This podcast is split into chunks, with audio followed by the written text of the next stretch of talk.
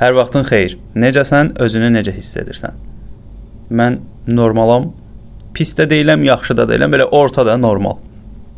Bu dəfəki mövzu müsahibə bacarığıdır. Bu çox önəmlidir və bu həqiqətən də bacarıqdır. Müsahibə bir bacarıqdır. Çünki keçən dəfə özünü satmaqla bağlı podkastda demişdim ki, satış həyatımızın hər hissəsində var, amma bizdə onu çox da belə ciddiyə almırlar ki, satışdır da. Satış, nə belə çox da ciddiyə alınacaq bir şey kimi görsənmir. Satışla bağlı olan biliklər. Müsahibə bacarığı da əslində bir satışdır. Çünki sən özünü satırsan, özünü təqdim edirsən, beyninin içərisində olan biliklərin sənin kim olduğunu deyir və s. Bu da sənin necə danışmağınla bağlıdır. Fikir verin hamısı necə paralel gedir. E, taktika və praktik gedişlərdən e, istifadə eləyirsən. Məsəl üçün e, satmağı bilməlisən, nitqi yaxşı bilməlisən, müsahibədə olan suallara cavabları bilməlisən. Bunların içərisində taktikalar var və praktiki gedişlər var. Hansı ki bu praktiki gedişləri çoxlu məşq etmək lazımdır ki, o şahmat kimi də atdığımız gedişlər qarşı tərəfə təsir göstərə bilsin. Məsələ budur. Öncə deyim ki, niyə müsahibə ilə bağlı sıxıntılar var? Biz məsələn universitet oxuyuruq, kollec oxuyuruq. Deyək ki, çoxumuzun da dayı-dayı olmur. Həqiqətdir də, yəni dayı-dayı olanlar irəli gedə bilirlər, seçilirlər Azərbaycanda, amma olmayanlar üçün e, sual yaranır ki, mən harda işləyəcəm? Və çoxumuz 4-cü kursda, 4-cü kursunu axırında deyirik ki, mən nə iş tapacam? Mən nə edəcəm görəsən? Xanımlar adətən bunu düşünür. Bəylər çox güman ki, əskərlik fikirləşirlər. İndi evlilik məsələləri və s. varsa, bu da ayrı bir mövzudur. Amma müsahibə bir günə, iki günə CV-mi göndərdi, məni çağırdılar, nə edəcəm deyərək ə, hazırlaşacaq bir proses deyil. Buna uzun müddətli bir vaxt lazımdır. Bunun üçün doğru nitq yaratmalısan, praktika və doğru taktikalardan istifadə etməlisən, yəni qarşı tərəfə təsir eləmək üçün. Bu da uzun müddətli həyatımızın istənilən sferasında var olan bir şeydir. Yəni belədir də, ə, bizə nəyə oxşuyur? Elə bil gözləyirsən, gözləyirsən, hə mənə lazım olanda eləyərəm deyirsən. Bax, təxminən bu da onun kimi bir situasiyadır, amma bu çox yanlış bir şeydir. Mənə lazım olanda eləyərəm dediyim şey elə anda mənə elə bir şey lazım ola bilər ki, məndə o bacarıq olmaya bilər.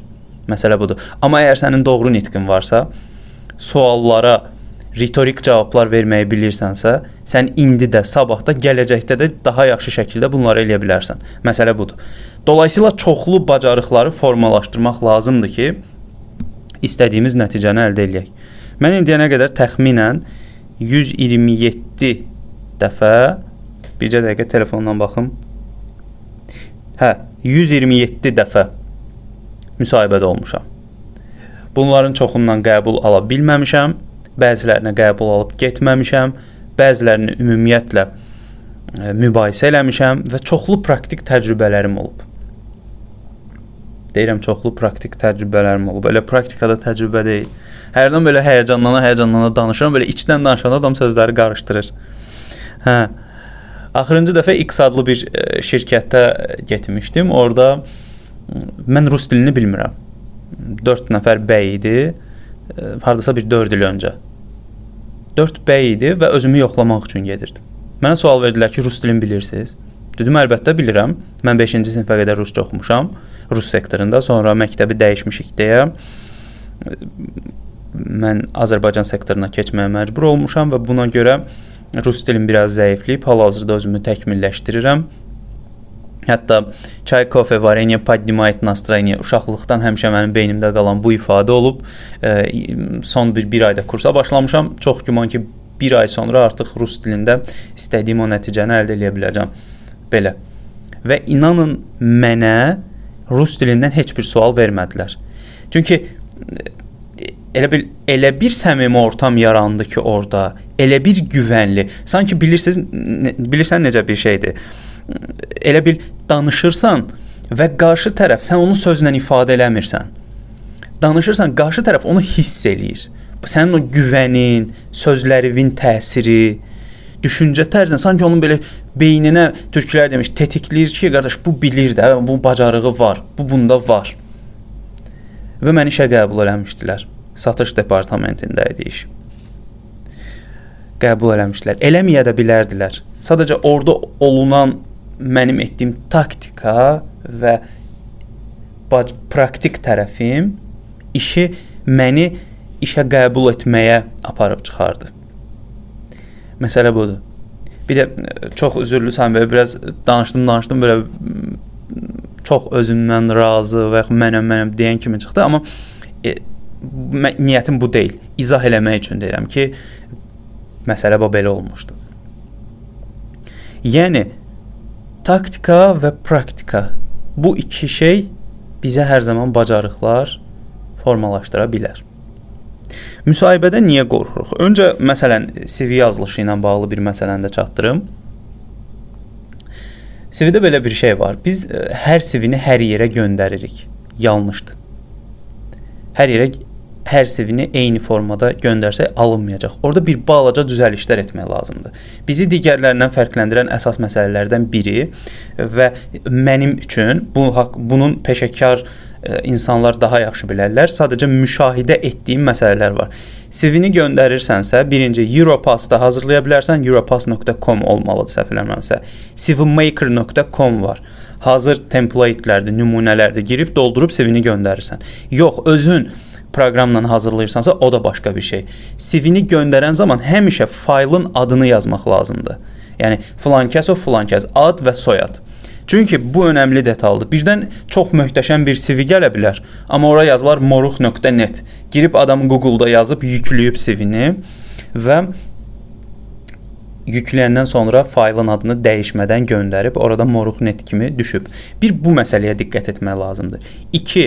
Həmişə e, mail göndərən zaman e, mailin başlığında subject bölümündə e, vakansiyanın adını yazmaq, bir də orada compose bölümü olur description təsvir etmək, təsvir bölümü. Həmin təsvir bölümündə bir neçə söz yazmaq lazımdır. Məsəl üçün hörmətli X adlı şirkət sizə bu vakansiya üzrə öz CV-mi göndərirəm. Düşünürəm ki, CV-də qeyd etdiyim məlumatlar sizin kriteriyalarınıza uyğun olacaq və məni müsahibəyə dəvət eləyəcəksiniz. Diqqətinizə görə təşəkkür edirəm. Məsələn və CV-ni göndərdim. Bu çox adam bunu eləmir öndür də. Bax, e, müsahibəyə belə bir baxmaq lazımdır. CV-ni göndərdim. CV ə, e, onun beynində bir empatiya qururam, qarşı tərəfin beynində bir düşüncə yaradıram və müsahibəyə gedirəm. Bir növ belədir də, öncədən o taktik gedişləri eləyirsən. Taktik dedikdə burada həm də taktik taktikadan da əlavə bir səmimiyyət də var da. Yəni bir xoş türklər demiş, xoş görü var. E, sən bunu eləməlisən. Onlara xoş görsənmək üçün bu şeyləri mütləq şəkildə eləməlisən. Əslində həyatımızın bütün sferalarında bundan istifadə edirik də biz. Məsələ bax budur. Bu CV-də bu şeylərə diqqət etmək lazımdır. CV-də nə yazım, necə yazım, hansı formada yazım, bununla bağlı da bir podkast etməyi düşünürəm. Hələ ki müsahibədən danışım. Bayaq sual vermişdim. Niyə qorxuruq müsahibədən? Çünki biz özümüzü yaxşı ifadə edə bilmirik. İstədiyimiz kimi ifadə edə bilmirik. Beynin içərisində yaxşıdır hər şey, danışanda istədiyin kimi alınmır. Cəmiyyət biraz neqativ qapalı cəmiyyətdir. Təhsil sistemi əzbərləmə və e, əmrə öyrəşib deyə əmr etməyə. Ona görə insanların əksəriyyəti özlərini rahat formada ifadə eləyə bilmirlər və burada sıxıntı yaşana bilər.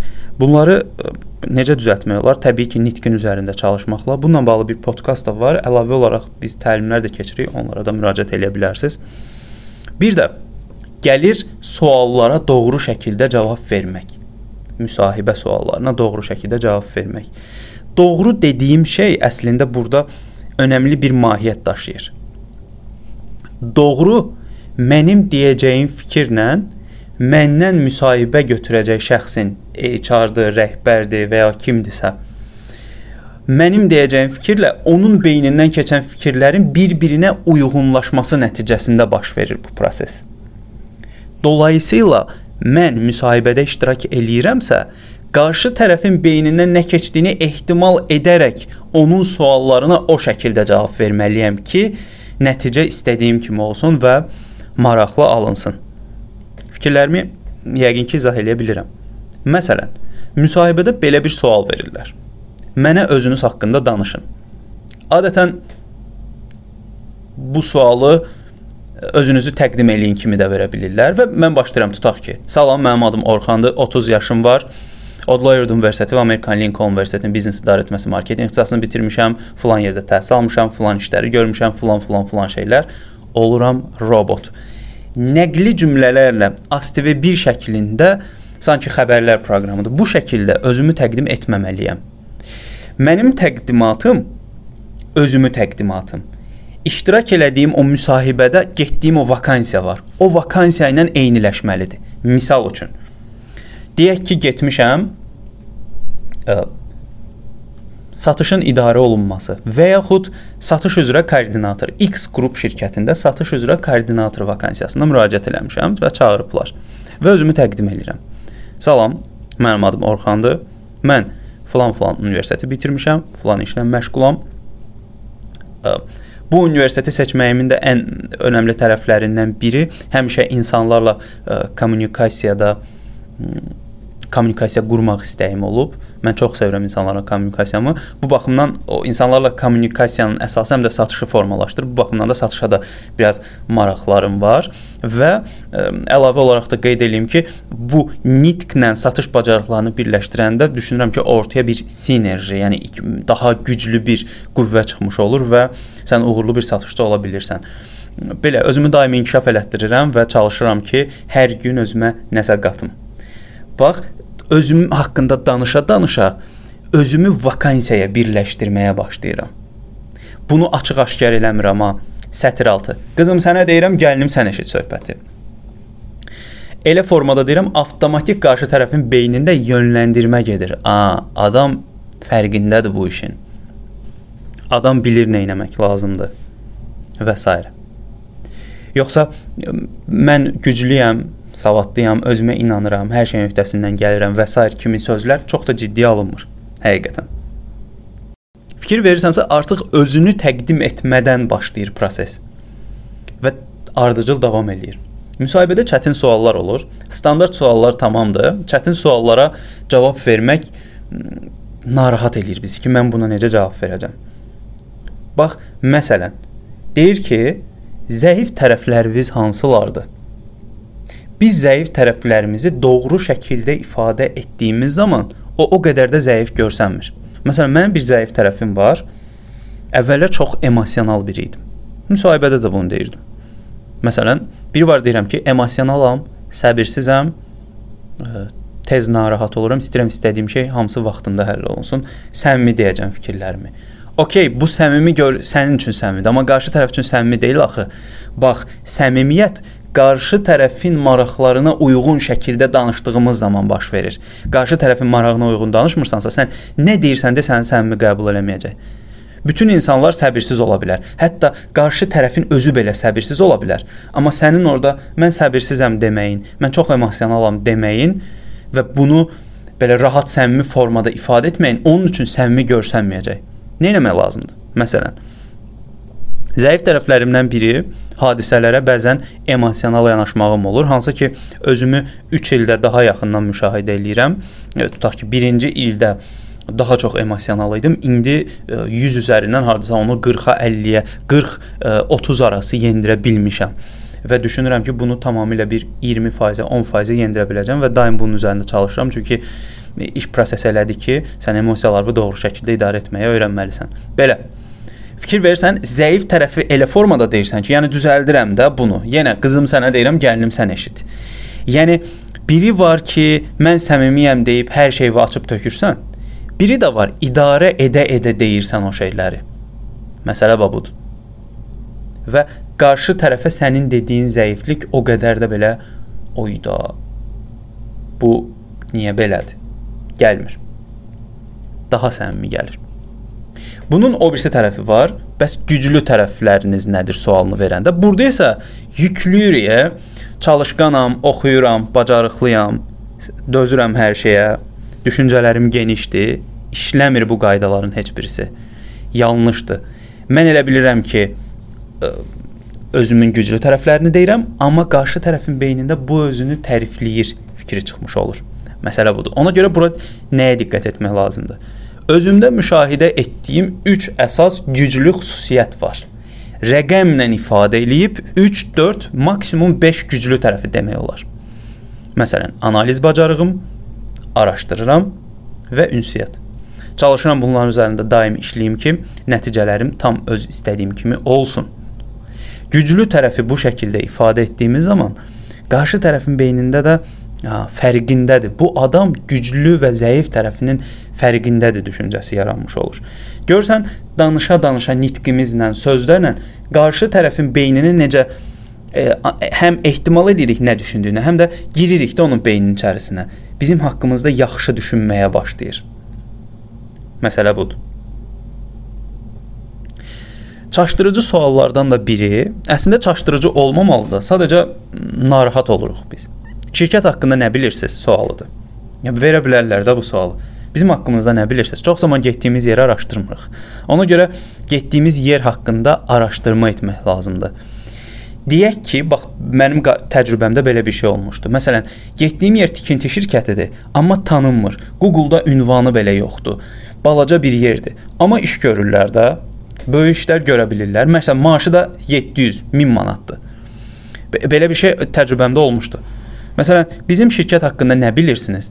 Mən onun haqqında heç nə tapmamışdım. Amma tikinti şirkətinin nə iş gördüyünü və bu şirkətdə nələr olduğunu təxmin elədim. Google-dan tikinti şirkətlərinin gördüyü əsas istiqamətləri araşdırdım və başladım danışmağa ki, e, misal üçün boruların istehsalı və onların ə, e, tikinti obyektlərinə təqdim edilməsi, tikintidə onlardan istifadə olunması, kərpiclərin kəsilməsi, e, onlardan kərpiclərdən xüsusi istifadə olunaraq evlərin hazırlanması və s. və s. kimi şeylər e, və şirkət adətən bu işlərlə məşğul olur və bu işləri həyata keçirir. Dedi ki, aydo siz necə araşdırmısınız bunu? Hardan bilirsiniz bunları? Dedim mən gəlməmişdən öncə e, şirkəti bir incələyirəm ki, hara gedirəm, necə gedirəm, şirkət hansı formadadır, necədirmi, mən onlara uğurlu bir mütəxəssis ola bilərəmmi və s.